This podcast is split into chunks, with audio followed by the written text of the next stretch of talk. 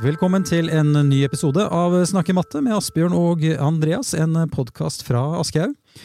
Vi skal eh, fortsette litt sånn i oppstarten eh, av året, og det som handler om hvordan vi liksom sparker dette året godt i gang, selv om vi allerede nå har hatt en episode hvor vi på mange måter er godt i gang med skoleåret. Men nå er det femte trinn, eh, Asbjørn, sånn i utgangspunktet i hvert fall, da, som vi skal se på, og oppstarten der. Mm. Og det jeg tror jeg blir bra ja, å få snakke litt om hvordan vi starter skoleåret. Og Vi kan også vise til en episode vi spilte inn i fjor, eh, der vi snakket om fire på en måte sånn sentrale verdier som vi ønsker å få fram i vårt eh, matematiske klasserom. Som vi kan liksom eh, repetere helt sånn kort i innledning på denne episoden. da. Mm. Og Da snakket jo vi om betydningen av å utforske sammen, at det er en viktig verdi.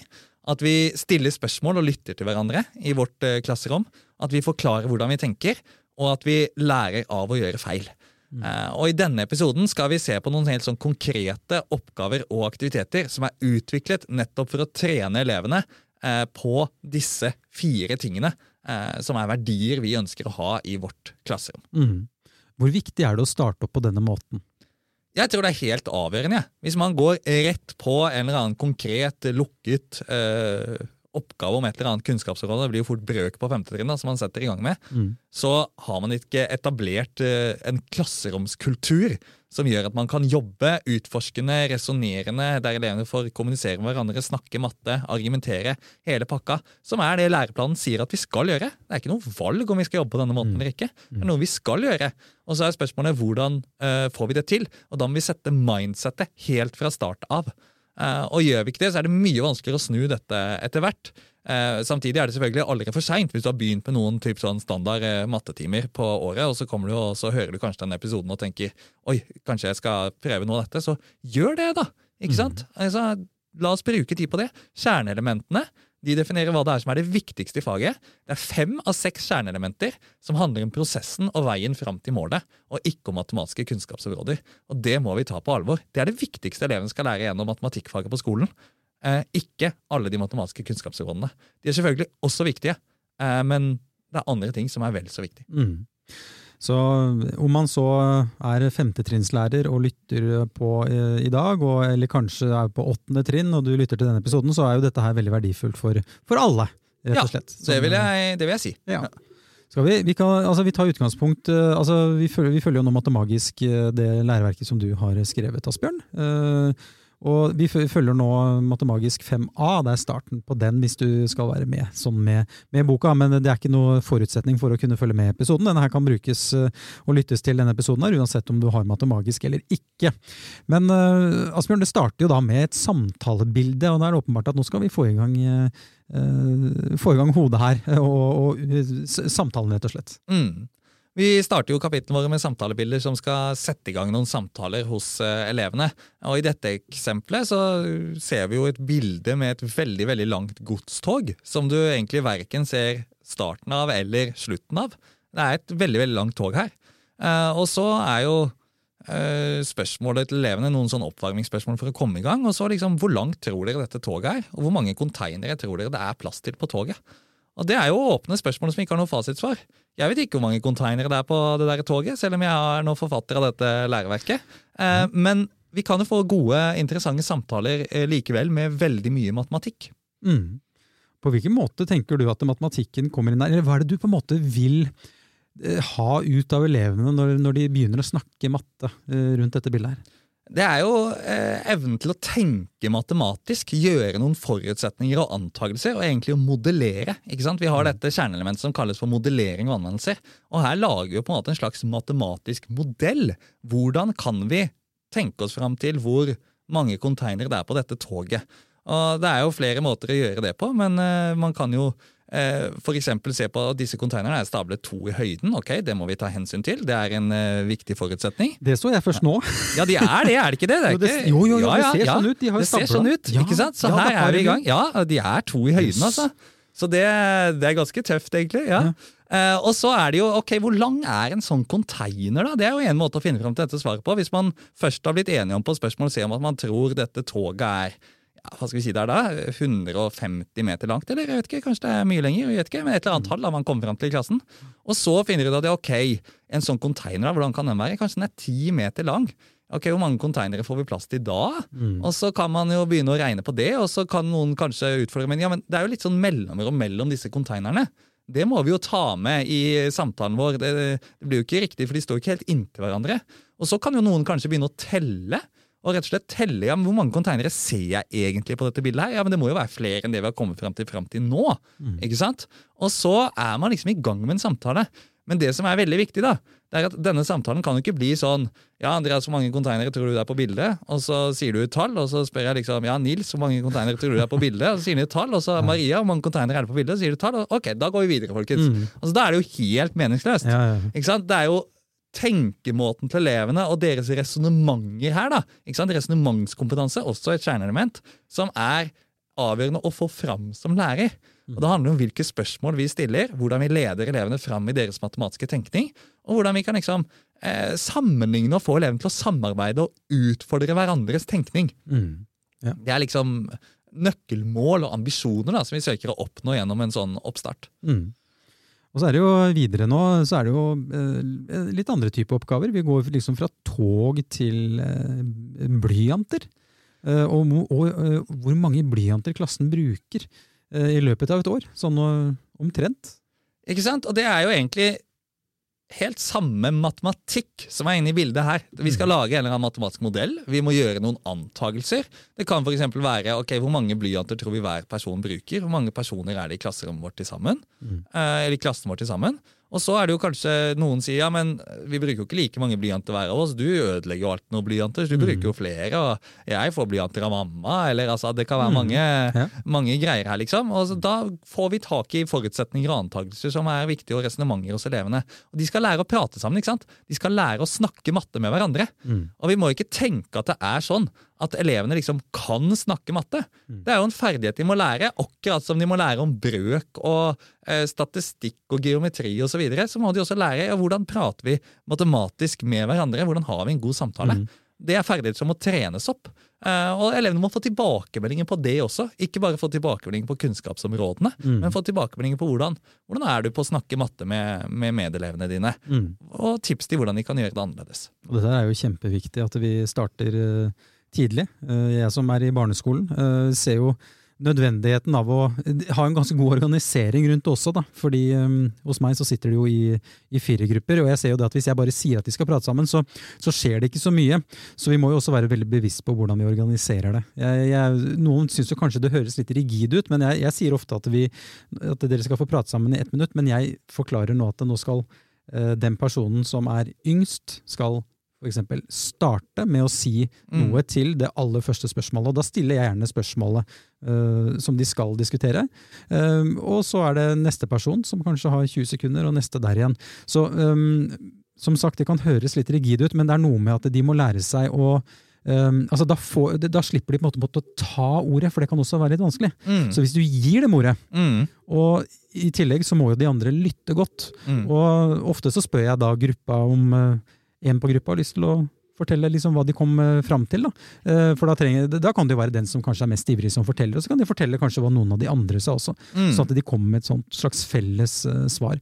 Så, I, I, forlengelsen av det der så er jo mm. også en fin måte å gjøre det på. Liksom sånn, hvis vi to har snakket sammen i par eller i gruppe med flere, så er det sånn mm. når man skal ta for klassen, så får man ikke lov å fortelle hva man selv tenkte, men man må fortelle hva den andre tenkte. Ja, ja, ja, det blir veldig sånn bevisstgjørende på at nå skal man lytte til hva den andre mm. sier. Nettopp. Uh, ikke sant? Det, men det er jo samme greia som hvis man tildeler noen roller for å mm. skape noe. Mm. Og Hvis man syns det er vanskelig å få til en sånn plenumsamtale da, eller klassesamtale med hele klassen, så er jo et grep man kan bruke her å bruke minitavler. Ja. Som altså er eh, f.eks. bare laminerte A4-ark mm. eh, og tavletusj som man kan skrive på. Hvis alle der har skrevet det tallet de har kommet fram til, etter ett minutt eller to minutter, eller hvor mm. lenge de diskuterer, så sier du løft opp tavlene, og da får du som lærer et overblikk over alle svarene veldig raskt. Mm. Og da kan man eh, plukke fram eh, ekstremsvar, f.eks., for, eksempel, for å høre deres tenkning. Det kan også være veldig mm. interessant. Hvis noen har et veldig høyt tall, eller et veldig lavt tall, Eh, og hvis det er noen svar som veldig mange har, så kan man jo på en måte nærme seg det etter hvert. Og så får man som lærer veldig sånn raskt overblikk og får ideer til hvilke personer bør jeg spørre om å komme med bidrag nå. Mm. Eh, og Det kan selvfølgelig også gjøres digitalt. da. Ja, ikke sant? bruke- Det finnes jo en del ressurser der også. ja, bruke Menti eller ja. ja. Padlet mm, eller Ja. noe lignende greier. da. Mm. Nei, det, det, det er eh, super, superinteressant det med den matematiske samtalen, altså hvordan vi skal få til det. og det, Noe jeg også tenkte å spørre deg om, det er dette med begrepsbruk. Um, jeg vet at en del mener at vi bør uh, være veldig nøye på å faktisk bruke begreper, altså matematiske begreper, også i, i norskfag også. Og er, jeg følger den ganske sterkt, akkurat den, fordi fordi de kommer til å møte enten det er en prøve eller oppgaver som, som har sitt eget språk, sitt eget Mm. fagspråk. Mm. Så, så det, hvordan er du på det å bare få dem til å bruke ord og begreper som, de faktisk, som er eh, matematiske begreper? da? Ja, Vi skal absolutt eh, lære de å bruke begreper, og samtidig så er jeg opptatt av at vi skal ikke eh, ta fra folk muligheten til å delta i klasserom fordi de ikke bruker de riktige begrepene. Ofte så formulerer jo elevene veldig fine resonnementer på sin egen måte. De kan gjøre det med tegninger og med uformelt språk og alt mulig, og det, det er kjempebra, det. Det er mye viktigere at de klarer å formulere noe med det enn at de ikke klarer å formulere så mye, men bruker riktige begreper. Ja. Eh, men at vi skal trene dem på å bruke begreper etter hvert, for all del. Og så er det jo noen begreper som er veldig mye viktigere enn andre. Mm. Ikke sant? Eh, For eksempel så mener jeg at det har ikke så veldig mye å si om elevene sier multiplisere eller om de sier gange. Ja. Fordi de ordene, innholdet i det, er jo akkurat det samme. Det er ikke noen forskjell i meningsinnhold. Det er to Mm. helt synonymer. Mens det kan være eh, andre begreper Mm. som er mye viktigere. Ta f.eks. et ord som kvadrat. Ja. Fordi hvis du skal bruke samme meningsinnhold som det er i ordet kvadrat, så må du bruke veldig veldig mange ord. Det blir veldig slitsomt hele tiden. Og Derfor er vi helt avhengig av å kunne bruke matematiske begreper som kvadrat. Så jeg tror også at det å si liksom enten sånn ja, begreper er kjempeviktig, eller begreper er ikke så viktig, det, det blir på en måte ikke eh, helt meningsfullt. Men at noen begreper er ekstremt viktige, helt klart. Men å henge oss opp i flisespikkeri hele tiden med ulike synonymer, kanskje ikke så viktig. Nei. Finner en gyllen middelvei, der vi. Ja, Ja, det er vel som, eh, ofte sånn i livet at en hyllen middelvei Ja, ja, er god, er det ikke? Ja. Ja, men bra. Uh, og så, det, fortsetter jo videre her i, i kapittelet. Det er et spill her. Uh, treff tallet. Ja, uh, det stemmer. Det er jo ganske, sånn- ganske sånn artig spill. Vi kan, jo, vi kan jo teste det. Eh, vi kan forklare reglene først, og så kan vi teste det, Andreas. Ja. For det er sånn at eh, en spiller, eh, du kan jo få lov til å starte, du velger én, to eller tre. Og så er det sånn at etterpå så får jeg lov til å legge til én, to eller tre.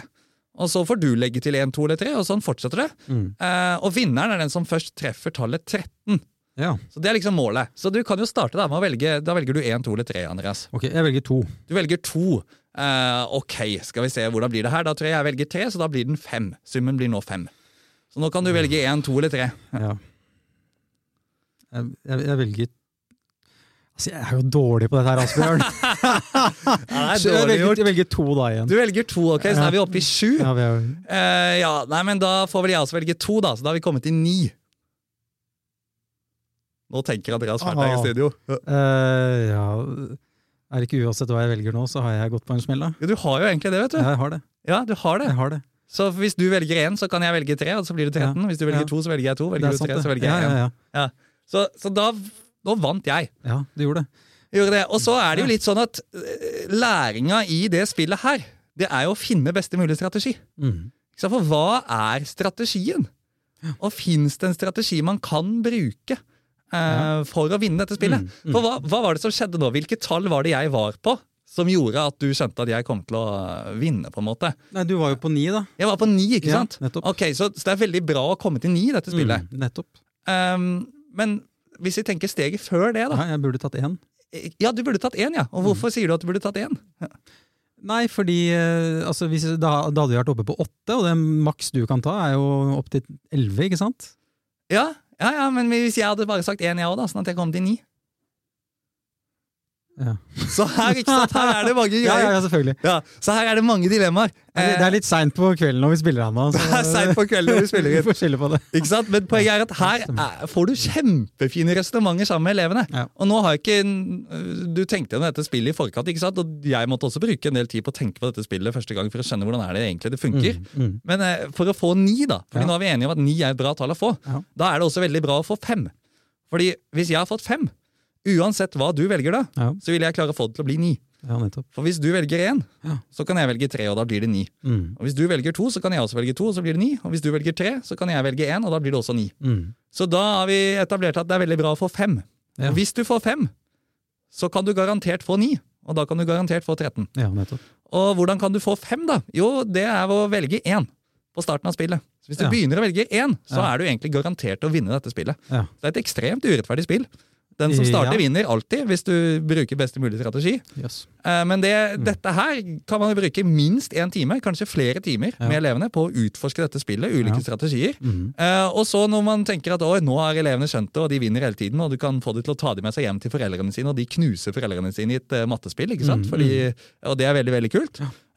Så kan vi jo rasere hele tanken ved å si at nå er det ikke måltallet 13 som vinner, nå er det måltallet 14. Ja. Og da har du endra hele spillet for Ja, de elevene. ja. Mm. Og så når de har skjønt det da, og generalisert, her jobber de med abstraksjon og generalisering, og alle elevene vil ikke forstå alt her, absolutt ikke, men de trener på å resonnere, Ja. så kan vi si ok, det er ikke bare lov til å velge til, legge til 1, 2 eller 3. Nå er det lov å legge til 1, 2, 3 eller 4. Ja.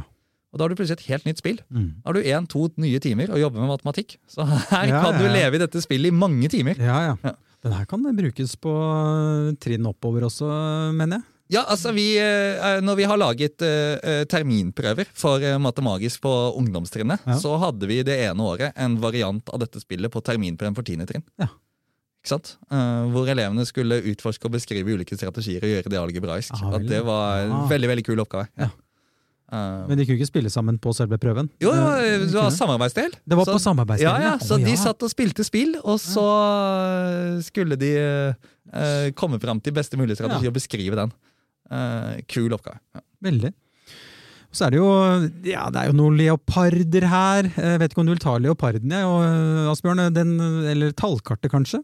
Ja, ikke sant? Tallkartet. Jeg tror vi skal snakke litt om det Ja, tallkartet. for Det er veldig kult. Og her må vi gi litt eh, ære for denne. Har vi lånt og kreditert i bøkene våre av en matematiker som heter Brent Yorgi, Mm. eh, som har utviklet et sånt tallkart, og så har vi tilpasset det litt.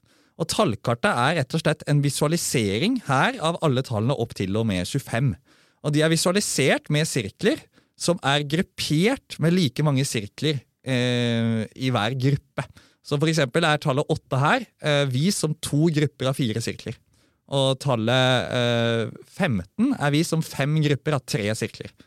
Eh, og det elevene skal blant annet forske på her, det er hvilke av disse tallene som man kan visualisere på ulike måter. Hvis man følger denne regelen om at det alltid skal være like mange sirkler i én gruppe, og hvilke som ikke kan det. Eh, og da eh, forsker man egentlig på primtall. Ja.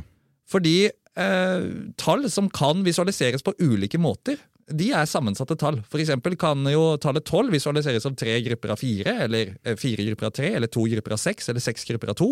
Eh, mens tallet 13, for eksempel, det er ikke mulig å dele opp i grupper med like mange sirkler i hver gruppe. Nei. Eh, ergo er det et primtall og blir i tallkartet visualisert som én hel sirkel. Ja. Alle de minisirklene er plassert i en Mm. stor sirkel. Og det vil gjelde alle tallkartene.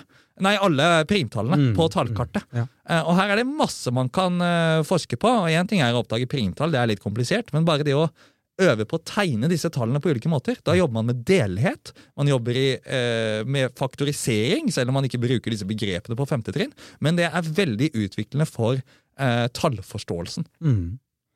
Jeg ser jo det at eh, det ser ut som man kan bruke ganske god tid på, på disse to sidene her. eh, på dette med tallkartet. Fordi de, de, skal jo, um, de skal jo svare på hvilke av tallene under kan tegnes på ulike måter. og prøv deg fram med andre tall fra tallkartet. Hvilke tall kan tegnes på flest ulike måter? Ja, og jeg, jeg tror liksom at eh, med alle disse oppgavene i dette kapitlet, så er det litt sånn Bruk god tid på dem. Og det er Mm. mye bedre å velge noen oppgaver fra vårt matematiske klasserom Ja. eh, og bruke god tid på dem, enn å gjøre bitte litt av alt. Mm. For det er egentlig helt meningsløst. Ja. Vi må gå ordentlig inn i aktiviteten og problemstillingene. Ja. Og eh, det spillet vi snakket om òg, du kan jo velge å omtrent bare bruke det. ikke sant? Bruke lang tid på det. Mm. Ja. Og det er bedre enn å gjøre litt av hvert. Og så kan du jo bruke kjempelang tid på hele dette kapitlet og liksom sette ok, vi skal etablere gode klasse, en god klasseromskultur. Mm. Den investeringa er det verdt. Mm. Når det gjelder matemagisk, bare sånn liten digresjon, så har, har vel du sagt at det, det er ikke et mål i seg selv å gjøre samtlige oppgaver i boka og liksom å være gjennom alt. Man Nei, det kan ta et utvalg. Ja, og vi har jo gjort et visst utvalg allerede ved at vi har plassert ting i det vi kaller vår fellesløype, altså noe i differensierte løyper, følgestin og terrengløype. Men også innad i fellesløypa så er det behov for å gjøre utvalg, avhengig av hvor utforskende og problemløsende man ønsker å jobbe i klasserommet. Jeg tror det er veldig bra. Det er krevende, utfordrende for læreren, men bra. Eh, Så er det liksom gjør et utvalg av hva man jobber med, og så gjelder det å gjøre mest mulig kloke utvalg, og da finner du tips i lærerveiledningen vår. og sånn. Mm. Skal, vi, skal vi si noe om froskehopp, eller? Bare helt til slutt? Ja, Vi må si litt om froskehoppet, for froskehopp er en av mine favorittaktiviteter å gjøre. Og det Ja. bruker vi veldig ofte oppstart på åttende trinn også, froskehopp. Ja. Eh, og reglene i froskehopp da, det er, eh, det er en slags aktivitet. Det er at eh, du begynner med fem felter, hvor du har to røde frosker på den ene siden og to blå på den andre. Og så er det sånn at en frosk den kan eh, gå et skritt fram. De røde froskene går mot høyre, og de blå froskene går mot venstre. Eh, eller den kan hoppe over en annen frosk og så lande på det ledige feltet. Men det kan ikke være to eh, frosker på, på samme, eh, samme felt. da. Mm. Og så er liksom utfordringen at disse røde og de blå froskene de skal bytte plass. Og hvor få trekk kan du bruke for å få det til? Mm. Det er oppgaven. Så Du skal få de røde froskene til å komme fra venstre side over til høyre, og de blå motsatt, Ja. på færrest mulig trekk ved å følge disse reglene som, som er listet opp. Og dette er en fantastisk utforskende øvelse å gjøre med elevene, gjerne med konkretiseringsmateriell, der de kan eh, sitte med røde og blå brikker og Ja, hoppe over hverandre. Det virker ikke nødvendig å ha noe papirstrimler eller et eller annet her. Ja, her trenger man, man trenger noe, Ja. noe brikker man kan bruke. altså. Ja, ja. Eh, og, men vi har også laget en digital variant, der man kan sitte og klikke, eh, og så hopper disse oh, ja. froskene. Ja. Ja, wow. Det fins en sånn digital froskehoppspill. Ja, så det, det er veldig kult. Eh, og så er det masse utforsking. Eh, og det å utvikle en strategi som man etter hvert kan hvis man kommer langt i dette da, kan beskrive en strategi man kan bruke, uansett hvor mange frosker det er på hver side, for å flytte de på mest mulig effektiv måte. Det er, eh, da snakker vi abstraksjon og generalisering på relativt høyt nivå. Og på ungdomstrinnet kan man i tillegg generalisere dette med et algebraisk uttrykk og finne ut, hvis du har x frosker på hver side, hvor mange trekk er det minste antallet man kan bruke som et algebraisk uttrykk. Mm. Det er liksom den ultimate generaliseringa Ja. av eh, hele spillet her. da. Kult. Da har vi, kommet, vi har kommet oss igjennom, som, som man kanskje ikke skal si. Eh, Det er noen konteinere til slutt. Det, det starter med konteinere, og det slutter med noen konteinere. Ja, ja, vi har ramma inn med litt containere. Ja, Men, det er eh, men det viktige er Ja. eh, velg ut å og bruk god tid på det. ikke sant? Det er, det, det, er det som er nøkkelen her. Og Ja. bruk det til å etablere en klasseromskultur preget av at vi utforsker sammen, Mm. at vi forklarer og lytter til hverandre, og at vi stiller spørsmål, og at vi lærer av at vi gjør feil. Mm. Det hørtes ut som oppsummeringa, det, Asbjørn. Jeg syns det var en fin Det oppsummering. var det. Ja. Tusen takk for at dere lytta til eh, Snakk i matte. Vi høres igjen om eh, 14 dager.